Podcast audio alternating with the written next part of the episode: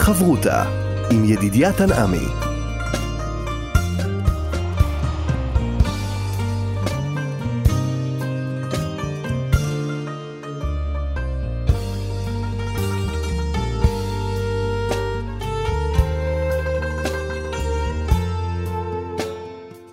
שלום כאן מורשת, חברותא לימוד משותף עם רבנים ואנשי חינוך בנושא תנ"ך, הלכה ואמונה.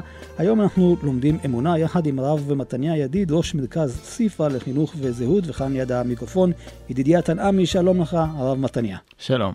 פרשת שופטים. פרשת שופטים מכינה אותנו לקראת אה, ארץ ישראל, ואולי אני אשאל, כדי שנעשה ככה השוואה למה שקורה היום, אילו מערכות צריכות לקום בארץ ישראל, מערכות של ממסד?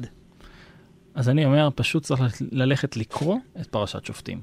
פרשת שופטים עוסקת במלך, בנביא, בכהן, בלוי, בשוטר.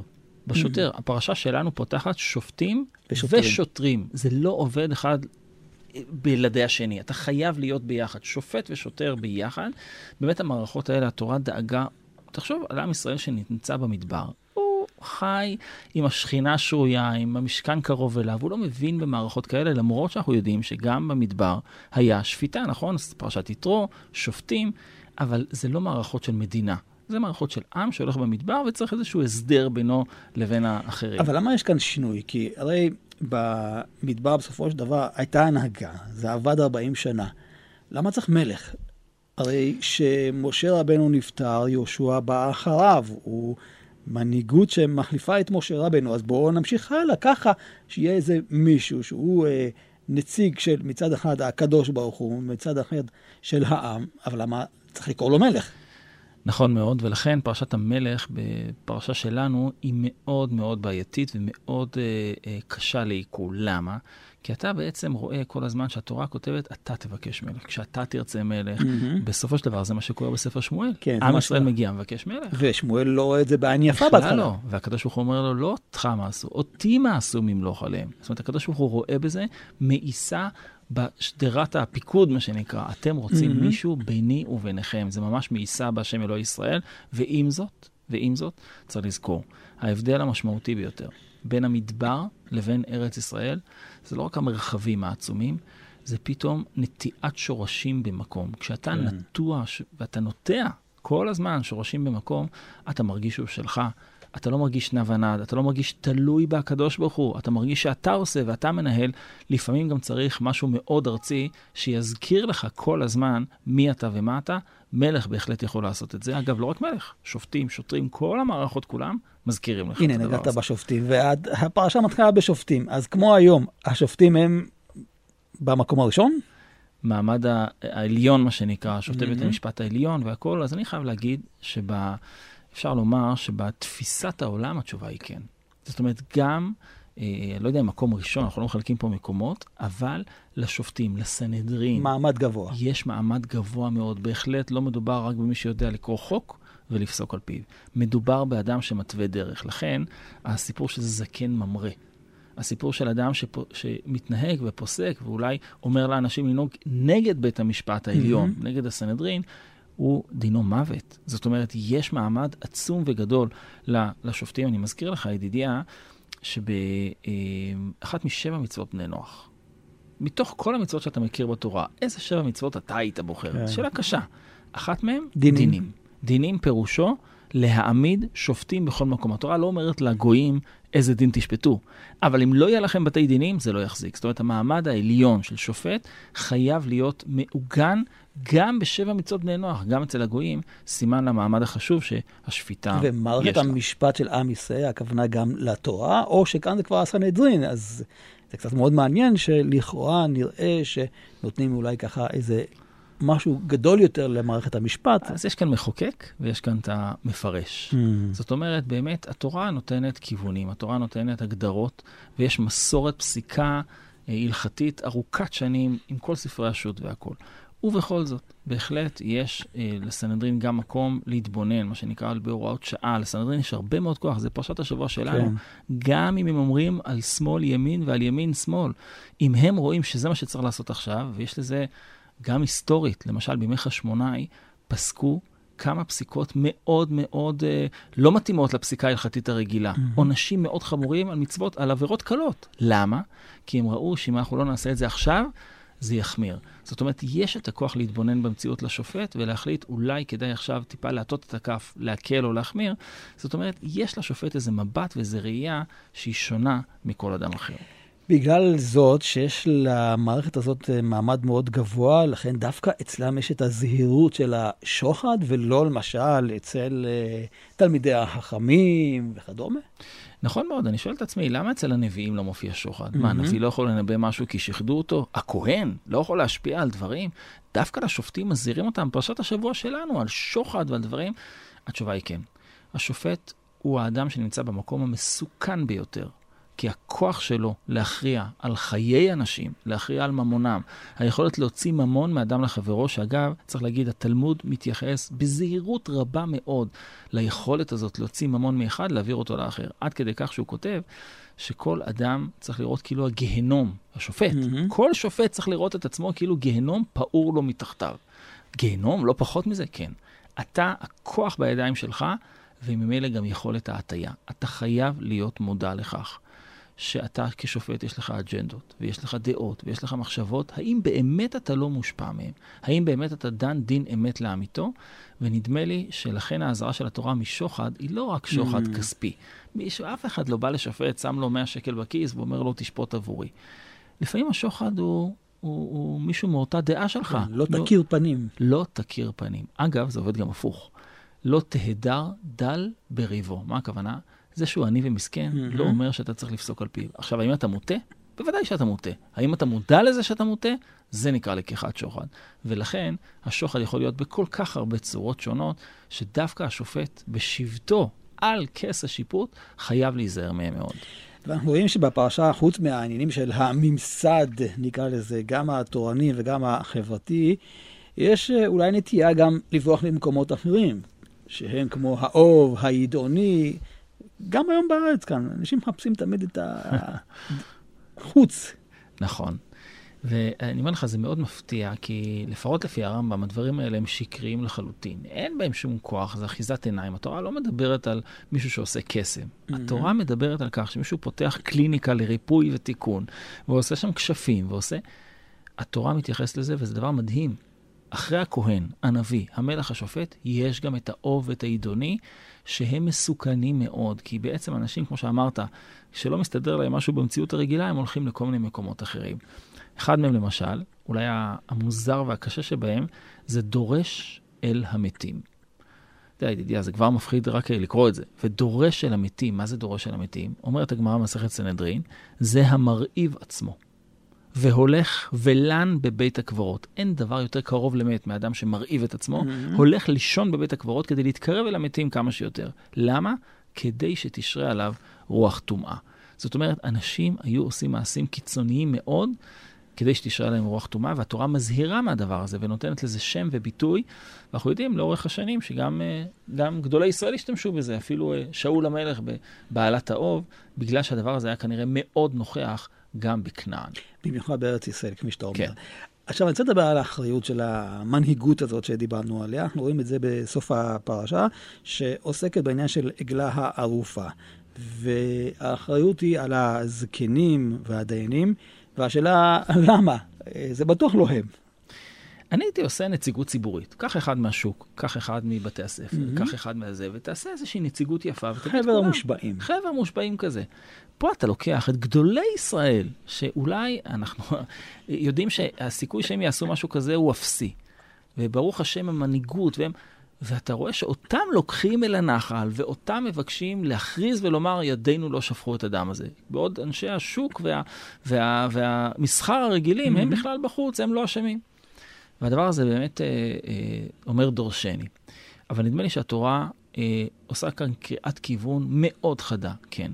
אתם אולי לא תעשו את זה אף פעם, אבל האם האחריות שלכם על מה שקורה בשוק, על מה שקורה ברחובות, mm-hmm. אתם לא יכולים לשבת כמו, כמו שאנחנו אומרים תמיד, שאם אדם לא מחובר אל השטח ולמציאות, בסוף יקרו דברים חמורים. כשאתה יודע מה קורה עם הילדים שלך, אז לפחות אתה מוכן לדברים שיכולים לקרות. כשאתה אין לך מושג מה קורה, אתה, אתה יכול להיות מנותק וזה יכול לבוא לידי רצח. ולכן התורה מורידה את הזקנים, את ראשי הסנהדרין במקום, ראשי הדיינים, הם אלה שיצטרכו לשחוט את העגלה הערופה בנחל ולהגיד, ידינו לא שפכו את הדם הזה. אני אומר לך שאחרי שמנהיג עושה את הדבר הזה, הוא יחזור לעיר שלו ויעשה בדק בית רציני. למה? כי הוא מבין שהתורה מטילה עליו את האחריות. חברותה עם ידידיה תנעמי. חברותה באמונה כאן אה, במורשת יחד עם הרב אה, מתניה ידיד, ואנחנו עוסקים בפרשת אה, שופטים, ויש שם הרבה נושאים שקשורים להתמודדות של עם ישראל בארץ ישראל. אחד הדברים שאנחנו גם מרגישים היום זה הסיפור של המלחמה ואיך באמת ניגשים לעניין של המלחמה. האם המלחמה היא מלחמה הכרחית, או שיש גם פתרונות אחרים? אז תראה, אולי זה יפתיע אה, אה, כמה אנשים, אבל קריאה לשלום באופן כללי, לפי חלק מהמפרשים, היא אפילו במלחמת עמלק, mm-hmm. שאנחנו יודעים שיש מישהו, הוא, הוא, הוא היסוד לא של הרוע בעולם, לא תחיה כל נשמה. לפי חלק מהמפרשים, לפי חלק מהפוסקים, יש חובה גם במלחמת עמלק לקרוא לשלום. זאת אומרת, זוהי חובה שהיא הרבה יותר חזקה. גם לאותם מפרשים, פוסקים, שאומרים שלא, זה נמצא במחלוקת, זה לא משהו שהוא חותך. מה זה אומר? זה אומר שהקריאה לשלום היא ה basic, אפילו במלחמת כנען. יהושע שולח הרי ואומר להם, אתם מוכנים לשלום או לא? צריך להגיד שהשלום כאן לא מדובר על שלום חם ופורח בין שני עמים ושני מדינות, מדובר כאן בהיררכיה. זאת אומרת, שלום שאנחנו מציעים לכם זה שאתם תהיו כפופים אלינו, ואם לא, אז נילחם בכם. כמו הגבעונים, למשל? אז הגבעונים רצו לחסוך מעצמם בדיוק את הדבר הזה. הם כרתו ברית, בסופו של דבר הם היו חוטבי עצים ושואבי מים. אבל בהחלט מדובר כאן על שלום שהוא לא חם, ועם זאת, אם כל העולם כולו היה נוהג בדרך הזאת, שלפני שהוא יוצא למלחמה הוא קורא לקריאת שלום, אפילו כזאת, היו הרבה מלחמות נחסכים מאיתנו. צריך גם להגיד שזה אה, קשור בכלל לתפיסה של התורה את המלחמה. כמו שאתה אמרת קצת ברמז בשאלה שלך, מלחמה, אנחנו היינו מבקשים להימנע ממנה בכל דרך. והתורה, כמו עבדות בפרשה הקודמת, כמו דברים אחרים, מתייחסת לדברים שמתחוללים בעולם. מה לעשות, יש, יש מלחמות. יש מציאות. יש מציאות. המציאות לפעמים נלחמת זו בזו, ולכן אנחנו צריכים לדעת איך להתנהג גם במלחמה. יש כללים למלחמה, לא? נכון. איזה כלל הוא אולי מפתיע שמופיע בפרשתנו? נדמה לי שהסיפור של אה, לא לכרות עצי פרי. אתה שואל את עצמך, אתה נמצא כרגע במלחמה, יורים עליך. זה מה שחשוב. זה, האם לכרות העץ הזה, עכשיו אני צריך להתנהל עם הדבר הזה? היה אדם יותר חשובים. בוודאי, בוודאי שהתורה חושבת ככה. אז איך פתאום הגיע האיסור הזה, שבמלחמה אסור לכרות עצי פרי, כמובן לא שהם מסכנים אותך. אם יש איזו סכנה, האויב מסתתר מאחורי עצי פרי והוא יורה עליך, אז בוודאי שמותר לכרות אותם אם צריך. אבל הכוונה היא שאם יש לך אפשרות לשיקול דעת, אני מזכיר לכם, זה מצוות לא תעשה. אחת מתרי"ג מצוות, לא להשחית עצי פרי במלחמה. ראיתי פירוש מאוד מחודש ומעניין אה, על הדבר הזה, שאני תמיד חשבתי כי התורה לא רוצה לחזק בך את יצר הנקמנות. הרי למה אתה כורת עצי פרי שאתה לא צריך? אתה רוצה להרוס להם, לפגוע בהם, לשרוף להם. Mm-hmm. יצר הנקמנות הוא זה שפועם בך. וראיתי פירוש אחר מאוד מאוד יפה. אתה יודע למה אסור לכרות עצי פרי? אם אתה מאמין שהמלחמה שאתה עושה היא מלחמה מחויבת, מלחמת השם, מלחמה להגן על העם שלך, אז הקדוש ברוך הוא יעזור לך. אתה תחזור לפה, אתה לא תאכל מעצי הפרי האלה? Mm, אתה לא רוצה, אתה לא מעניין. מאמין שאתה תחזור ותאכל מהם? אם אתה קורא את עצי פרי, זה אומר שאתה רוצה להשמיד הכל. זה לא מלחמת השם. ולכן התורה אוסרת עליך לכרות עצי פרי כדי לחזק בך את האמונה. פירוש מאוד מיוחד ויפה על דיני המלחמה של התורה. וואו, זה ממש מעניין. עכשיו, יש בפרשה אולי איזו הגבלה מסוימת. מלחמות בדרך כלל, זה נובע גם סכסוך של גבולות. ורואים גם במישור הפרטי את האיסור הזה של לא תשיג גבול רעך. נכון. יש פה גם פרט וגם כלל, כמו תמיד, mm-hmm. כמעט כמו תמיד. יש מושג הלכתי שנקרא אני המהפך בחררה. חררה היא בעצם עוגה שאופים אותה על גחלים. ומה המשמעות של אני המהפך בחררה? דבר מעניין מאוד. אם אתה, זו הדוגמה שהגמרא משתמשת בה, והיא דוגמה חשובה מאוד גם לימינו. מה שאומרים בדרך כלל זה שאם אתה רוצה לקנות אה, נכס מסוים, mm-hmm. עכשיו, כולם יודעים שאתה רוצה לקנות את הנכס הזה, ואז מישהו בא ברגע האחרון ומוסיף עוד איזה 100 אלף שקל mm-hmm. וקונה את הנכס הזה. עכשיו, אתה שואל אותי הלכתית, יכול להיות שהוא עשה בסדר, כל עוד אתה לא חתמת חוזה, לא שילמת, אז מותר לכל אחד לקנות את זה. האם זה דרך מוסרית וערכית? לפי חלק מהמפרשים זה נקרא השגת גבול. אבל זה לא שלך, זה לא, אתה לא קנית את זה עוד, זה נקרא לא תשיג גבול רעך. ברור שרוב האנשים לא, לא יפלשו לבית של מישהו אחר, ייכנסו אליו, ישבו בו ויגורו בו. אבל אולי חלק מאיתנו יעשו קצת דווקא, כשמישהו רוצה לקנות משהו, אתה תקנה את זה לפניו. זה, לפי חלק מהמפרשים, נקרא השגת גבול. לכן התורה מדגישה כל הזמן, ואחד מהדברים שהתורה נקנית בהם, אגב, במסכת אבות, זה המכיר את מקומו. לכל אחד וואו. יש את המקום שלו. כשאתה משיג גבול, אתה הולך למקום שהוא לא שלך. זה אף פעם לא מביא משהו טוב, לא לך ולא לאחרים. אז אולי נלך גם על עוד נקודה מסוימת של, של מקום. אה, כשפוגשים כאן בפרשות אה, שלנו את העניין של עדים זוממים. הם גם באים לקחת מקום של מישהו אחר. זה לא סתם, נכון? לפעמים אפילו את חייו, לפעמים אפילו דברים חריפים וחמורים מאוד. אבל בוא נסביר קודם כל את המושג הזה. נכון. עדים זוממים, זה בעברית לזמום, הכוונה היא לחרוש רע על מישהו, לחשוב עליו רעות. מה זאת אומרת? אם אני למשל אה, בא למשפט, ומישהו תבע אותי ואמר, אתה אה, גנבת לי את הרכב, והוא מביא שני עדים. הוא מביא שני עדים שאומרים, אנחנו יודעים, הרכב הזה נקנה בפנינו על ידי אותו אדם, והאדם השני כנראה גנב אותו כי לא מכר וכולי וכולי. הם בעצם רוצים להפסיד אותי, נניח 100 אלף שקל. אומרת התורה, ועשית לו כאשר זמם לעשות לאחיו. אתה תעשה לו בדיוק מה שהוא רצה לעשות. אגב, התורה מסיימת את פרשת הסדים מזוממים בלא תחוס עינך עליו. וואו. אל תרחם. זאת אומרת, על כמה דברים בתורה כתוב לא תחוס? אסור לך לחמול עליו. למה התורה מחמירה כל כך בעניין הזה של עדים זוממים? אני חושב שזה בדיוק מה שאמרת. הפחד והחשש שכל אדם לא יכיר את מקומו וידע מה שייך לו ומה לא שייך לו. התורה חושבת שממון זה דבר טוב. מותר לך שיהיה לך נכסים, מותר לך שיהיה לך שדות וכרמים והכל בסדר. בתנאי אחד, שאתה יודע את מקומך. ואני חושב שזה מתחבר לכל הפרשיות, ואמרת נכון, בעצם זה עוסק גם במקום. זה עוסק בפרשיות שקשורות בהשגת גבול. כל אדם שיוצא ממקומו, שבטוח שאם יהיה לו את מה שיש לאחר, אז הוא יהיה כן. מאושר, זו, את זה התורה אומרת, זה מחריב את החברה. ולכן עדים זוממים הם עדים שאסור לחוס עליהם, עד כדי כך שהתורה משתמשת במילים עין תחת עין. אנחנו לא עושים את זה. אבל היא משתמשת בעין תחת עין בהקשר של עדים זוממים. זאת אומרת, אתה צריך לעשות לו בדיוק כאשר זמם, כדי ללמד לכולם שמקום זה שלך.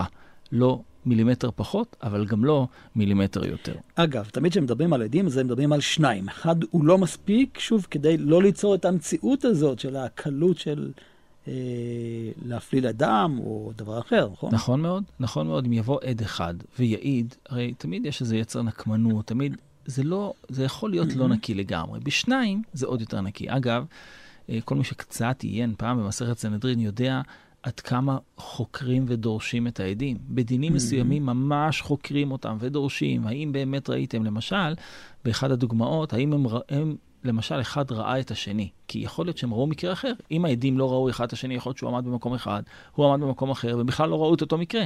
הם חייבים לראות בעיניים אחד את השני.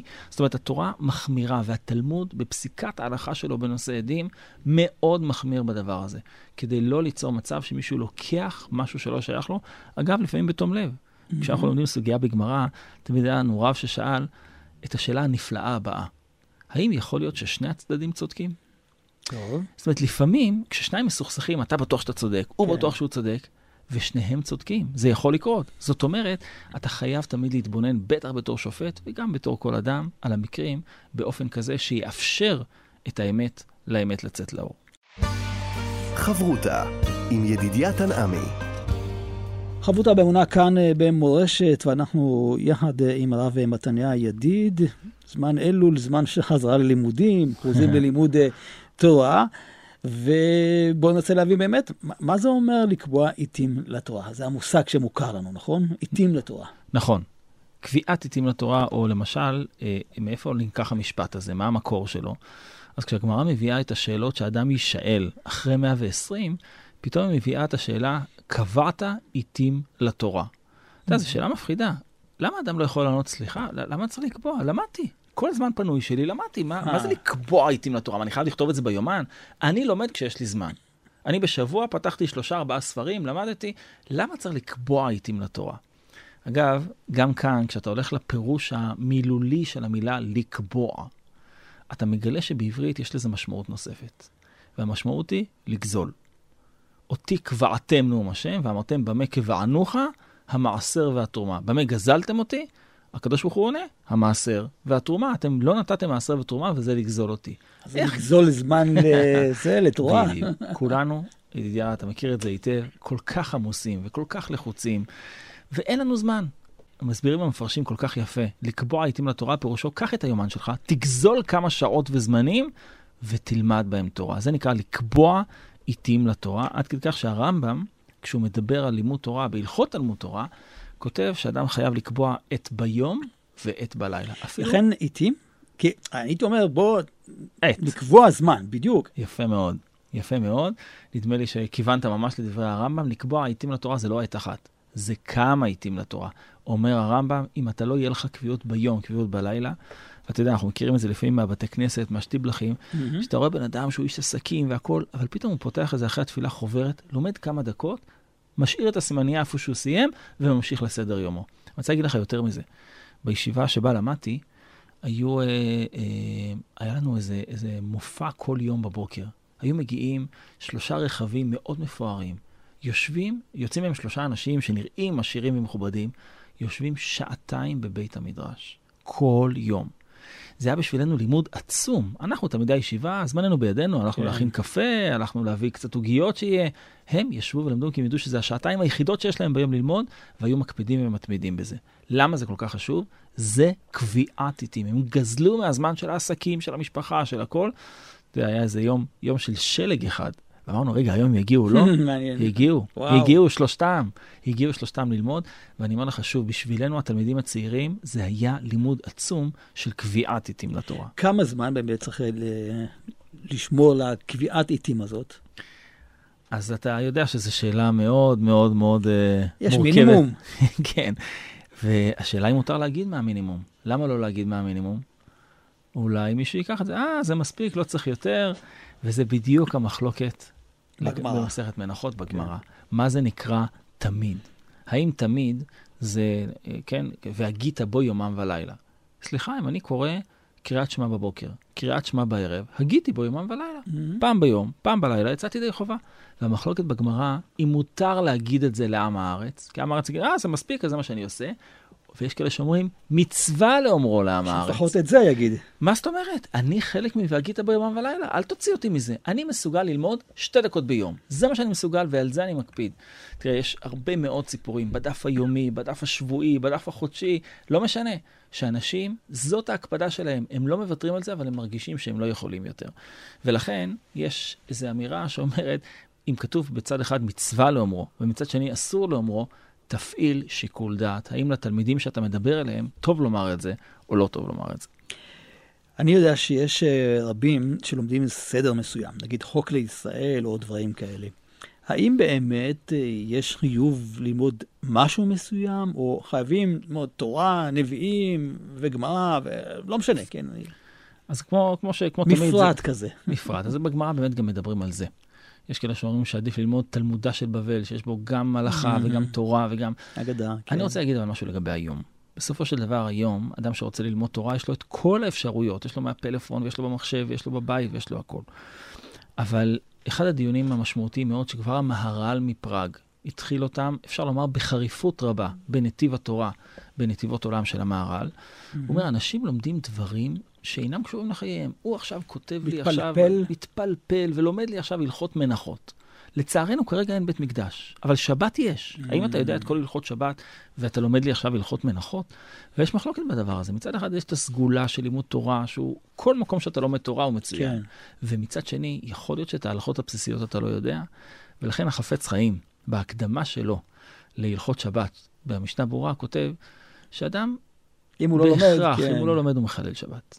ולכן יש ודאי משמעות ללמוד גם דברים שהם רלוונטיים ומעשיים, מוסר, הלכה, אבל גם לפעמים לעוף למעלה קצת, ללמוד דברים שקשורים לבית המקדש, לעולם האמונה שלנו, בוודאי שיש בזה משמעות. יש סדר בלימוד? זאת אומרת, מה, עם מה להתחיל? אה?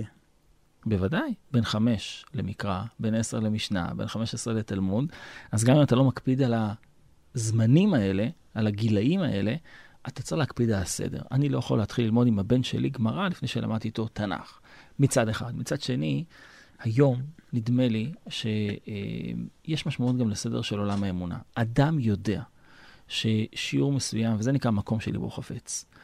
אני מצאתי את עצמי הרבה פעמים אומר לתלמידים, בשיעורים גבוהים אפילו, אתה, אתה, יש שיעור מסוים שאתה מרגיש שהוא ממלא אותך, שהוא נותן לך כוח. יכול להיות שזה התורה שלך, תלמד את זה לעומק, תלמד את זה יותר טוב. את הסדר אדם יוצר לעצמו. אבל איך שמעתי פעם אה, מהרב אבינר, הוא אמר שכל אדם, כל אדם צריך להיות תלמיד חכם. אין לך אפשרות להימלט מזה. אתה לא יכול להגיד שאתה לומד כל היום תנ"ך ואתה לא תלמד בכלל הלכה וגמרא. ומצד כן. שני, יש אדם ששורש נשמתו היא תנ"ך. והוא מקפיד על זה ולומד את זה. את כל הדברים שאני אומר עכשיו, כותב הרב קוק באורות התורה. שאדם צריך להרגיש גם מה שורש נשמתו, מה ממלא אותו, מה נותן לו כוח, ועדיין לא להזניח את כל חלקי התורה האחרים. ושוב, צריך לזכור את העניין של לימוד המצוות, כי בסופו של דבר, יש לך את העשייה בפועל. אדם שכפי שאמרת, מחפץ חיים. אדם שלא לומד, הוא לא יודע גם איך לקיים.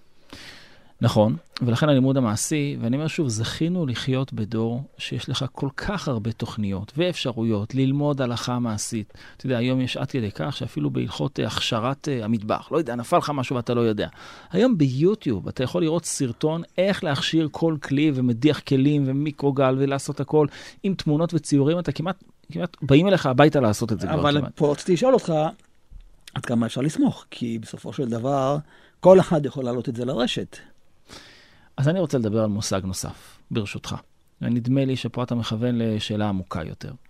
אנחנו יודעים שיש לימוד תורה אה, בכמות. זאת אומרת, אנחנו יודעים שיש לימוד תורה כשאתה הולך לשיעור קבוע, ויום אחד לא הלכת לשיעור כי לא היה לך כוח, בפועל זה נקרא ביטול תורה. האם יש דבר כזה שנקרא ביטול תורה באיכות? והתשובה היא בוודאי שכן. אדם שמסוגל ללמוד בעצמו, ולשבת ולבחון את הדברים, והוא מסתפק, כמו שאמרת, בלראות איזה סרטון קצר ולהמשיך הלאה, זה נקרא ביטול תורה. הוא לומד תורה, אבל לא את התורה האיכותית שלו. ולכן כשאתה שואל האם אפשר לסמוך, התשובה היא, אדם חייב מצד אחד להפעיל שיקול דעת, ומצד שני גם להתאמץ על הדבר הזה. כן, אנחנו אומרים לעסוק בדברי תורה. זאת אומרת, הרעיון הוא לא רק לקבל מידע, אלא להתחבר.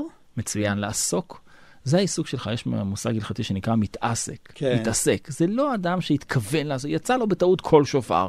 הוא סתם שיחק עם השופר, קצת ניסה לתקוע, בום, יצא לו כל שופר, כשר. האם יצא ידי חובה או לא? זה נקרא מתעסק. התורה רוצה שאנחנו נתעסק בה. הפוך בה והפוך בה דכולה בה. תהפוך כמו, הזכרנו מקודם, אני המהפך בחררה, הוא הופך אותה מכאן, הופך אותה משם. זה הכוונה שאדם יהיה עסוק בתורה. ובאמת אנחנו לא מברכים ללמוד תורה. כולם שואלים למה לא מברכים ללמוד? ולמדתם ולמדתם אותם. את בניכם כתוב מפורש, למה מברכים לעסוק? כי ללמוד תורה זה אחריות. זה להגיד דבר אמיתי. כשאתה עוסק אתה גם טועה. אז אדם שעוסק בדברי תורה, אתה יודע, למדתי פעם אה, אה, סדר בעיון שלם, אני זוכר את עצמי בתור תלמיד, שלוש שעות למדתי בעיון. הגעתי לשיעור והבנתי שלא הבנתי כלום. פשוט עיינתי בדבר הלא נכון, ולא הבנתי אותו נכון, וממש שיבשתי את הגמרא. ואתה יושב בשיעור, אתה מתוסכל. האם עסקת בדברי תורה או לא? בוודאי שעסקת בדברי תורה, ובירכת ברכות התורה זה מצוין. למה? כי אתה התעסקת בזה. זו, ה, זה מה שהתורה רוצה שנעשה, שנתעסק בה, וגם נטעה לפעמים, ודילוגו עליי אהבה. עוד שאלה, שהיום יש הרבה מסגרות, הדף היומי, המשנה היומית, כל מיני דברים כאלה. עד כמה זה חשוב להתחבר למסגרות הללו, לא, לא רק מצד הלימוד, אלא מצד זה שאני שייך לדבר גדול. תראה, הדף היומי הוא מהפכה, מהפכה של ממש.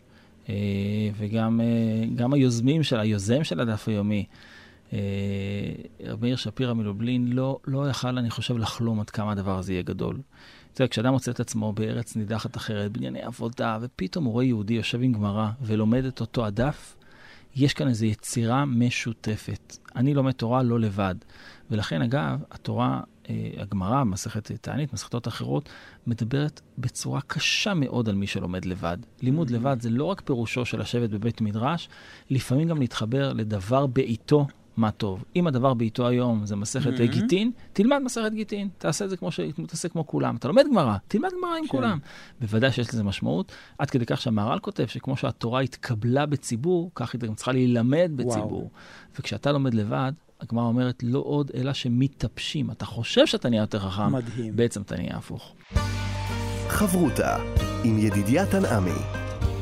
חברותה באמונה כאן במורשת, יחד עם הרב מתניה ידיד, אנחנו לקראת uh, סיום התוכנית, רוצים uh, עוד איזה רעיון, סיפור, קדימה. אז יש באמת, אה, בהקשר של לימוד תורה, יש אה, סיפורים הרי בלי סוף. אפשר לספר ולדבר, אבל יש סיפור אחד שמספרים אותו גם לילדים וגם למבוגרים, והוא תמיד מעורר אה, השראה מיוחדת. והסיפור, בווריאציות שונות, אפילו לא יודע כמובן אם הוא היה אמיתי, אבל בוודאי שכסיפור חסידי יש לו משמעות מאוד מאוד עמוקה. והסיפור מספר על גביר אחד, אדם עשיר ביותר, שהייתה לו בת אחת. והבת הזאת הייתה מחוננת בכישרונות. והוא רצה למצוא לה את הבחור הטוב ביותר, המוצלח ביותר, תלמיד חכם שישב באוהלה של תורה, והוא יפרנס אותו. העיקר שהחתן שלו ישב ללמוד תורה. והסיפור מספר שהוא לא ידע איך לעשות את זה, איך אני אמצא חתן ראוי לבת שלי. והוא התייעץ עם הבת שלו, והם חשבו וחשבו וחשבו, בסופו של דבר הם החליטו. כיוון שגביר הזה היה גם תלמיד חכם. הוא אמר, תשמעי, אני אלך לישיבות, ויעבור בישיבות, וישאל שאלה. מי שייתן לי תשובה חדה, מבריקה, ואני אראה שהוא גם מקשיב לשאלה, הוא גם מעיין בה, הוא טורח עליה, ואני אראה שהוא בעל מידות כאלה, שהוא מוכן להשקיע וללמוד, אז אני, אני אקח אותו. וכך התחיל לעבור, מישיבה לישיבה, ממקום למקום. מה שהוא עשה בכל מקום היה להיכנס לבית המדרש, לבקש רשות מראש הישיבה. וככה יום חמישי בערב, ליל שישי, היה דופק על הבימה, ואומר, רבותיי, אני אדם כזה וכזה, אני רוצה לחתן את הבת שלי, חלקכם כבר בגיל שידוכים, ויש לי שאלה. מי שיענה על השאלה הזאת בטוב טעם ודעת, אני אדבר איתו ויראה אם הוא מתאים לבת שלי. וכך הוא היה מגיע לישיבות, דופק על הבימה ושואל שאלה. השאלה הייתה שאלה מורכבת, קשה, שדורשת עיון גדול, ובאמת היה מוצלח מאוד, בית המדרש סער, ואנשים ניסו למצוא את השאלה, ואהבו גם את הרעיון, אבל גם רצו להשתדך. וכך עבר ממקום למקום, אבל אין תשובה. לא היה תלמיד בבתי המדרש שהוא עבר בהם, בישיבות הגדולות האלה, שמצליח לענות על השאלה. ולאט לאט הגביר מתחיל לחשוב, אני לא יודע, אולי, אולי השאלה קשה מדי, אולי הבחורים לא מתאימים, אולי אני קצת אה, בררן מדי. וכך אה, עובר ממקום למקום. החליט להגיע למקום האחרון, לישיבה האחרונה, ואומר, אם פה אין תשובה, אני אחזור לבת שלי וננסה לחשוב מה עושים. הוא מגיע לישיבה, מגיע לראש הישיבה. ראש הישיבה אומר לו, תשמע, לא, אם כל הישיבות שעברת לא הצליחו, לדעתי פה לא נצליח, מדובר פה בבחורים טובים ונפלאים, אבל לא הכי מבריקים שיש. אז אולי תשאל שאלה אחרת, אולי תחשוב על משהו אחר. אמר לו, הגביר, לא, מה אכפת לך, אני אנסה. אני ממילא המקום האחרון, תן לי לנסות. ראש הישיבה מגיע איתו לבית המדרש, ומנסה ככה להגיד לבחורים, תשמעו, כדאי לכם להתאמץ, יש פה הזדמנות, וגם תלמדו תורה, ואולי גם תזכו בשידוך טוב. הגביר דופק על הבימה, שואל את השאלה הקשה והחזקה, והבחורים מתחילים לחשוב, וזה צועק לו תשובה כזאת, זה צועק לו תשובה כזאת, אבל חלק גדול מהתשובות הוא כבר שמע. הבחורים, שעתיים ושלוש, הגביר יושב בבית המדרש, באים אליו, מנסים, שום דבר לא מצליח. אומר הגביר לראש הישיבה, טוב, צדקת כנראה, מפה לא תצא ישועה, ואני אה, אלך לדרכי. לוחץ לו ראש הישיבה את, ה, את היד, הגביר קצת תורם לישיבה כמה שקלים, ויוצא החוצה. כשהגביר הזה יוצא החוצה ומתחיל אה, לרתום את המרכבה שלו, ולעלות למרכבה, ומתחיל לנסוע, פתאום הוא רואה, אה, הוא שומע צעקות מאחוריו. הוא עוצר את המרכבה והוא רואה בחור אחד רץ אחריו. הוא אומר, או, אולי יש תשובה שלא שמעתי. פותח את הדלת של המרכבה, יורד למטה ואומר, בחור, תגיד לי, יש לך תשובה בשבילי? אומר לו הבחור, לא. הגביר לא מבין, אז למה עצרת אותי? מה עשית? אומר לו הבחור, תשמע, אין לי תשובה בשבילך. אבל השאלה שלך כל כך יפה, תן לי בבקשה לדעת את התשובה, תגיד לי מה התשובה. אומר לו הגביר, מסתכל עליו, אומר לו הגביר, אותך אני רוצה. אותך אני רוצה, כי לא רק חיפשתי תשובה, חיפשתי את מי הדבר הזה מעניין אותו. כשמתחילים כיתה א', הרבה פעמים מספרים לילדים את הסיפור הזה. אתם לא צריכים להיות הכי חכמים, הכי גאונים, הכי, הכי מבריקים. אתם צריכים להיות סקרנים. תרצו לדעת, תרצו ללמוד, תרצו להתקדם. הגביר הזה שמחפש שידוך לבת שלו, כנראה הבין בסופו של דבר שהוא לא מחפש את הבחור הכי מבריק, הוא מחפש את הבחור שבאמת רוצה לדעת.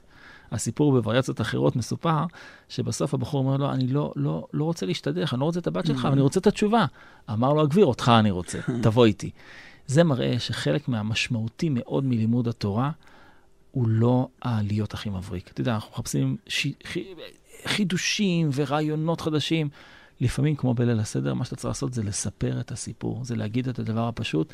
זה מה שאנחנו רוצים לחנך את ילדינו ותלמידינו. אהבת תורה לא מתחילה מזה שאתה הכי מבריק, אלא מזה שאתה יודע שאתה עוסק בדברים חשובים ואתה רוצה וסקרן לדעת. יש פה שני דברים. אני חושב שיש עניין של הרצון. זאת אומרת, זה שאתה רוצה קודם כל, יש לך את היכולת להגיע לפוטנציאל שלך. ואולי דבר נוסף, ש...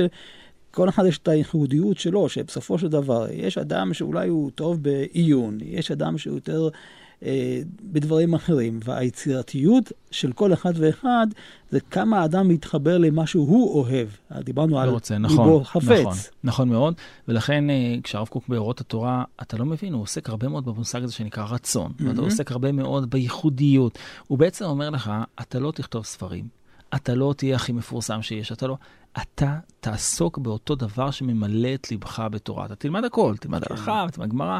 בסופו של דבר, אין אדם לומד תורה, אלא במקום או ממקום שליבו חפץ. יפה. איזה מקור בתורה אתה שואב ממנו כוח, זה היכולת והכוח שלנו, ולכן הרצון כל כך חשוב בלימוד התורה. יישר כוח גדול. תודה רבה לך, הרב מתניה ידיד, ראש אה, מרכז סיפא לחינוך אה, וזהות, וכאן אה, ידידיה תנעמי. אנחנו נשוב וניפגש בחברותה הבאה. וניתן להאזין לתוכנית הזאת באתר כאן מורשת ובשאר יישומי ההסכתים.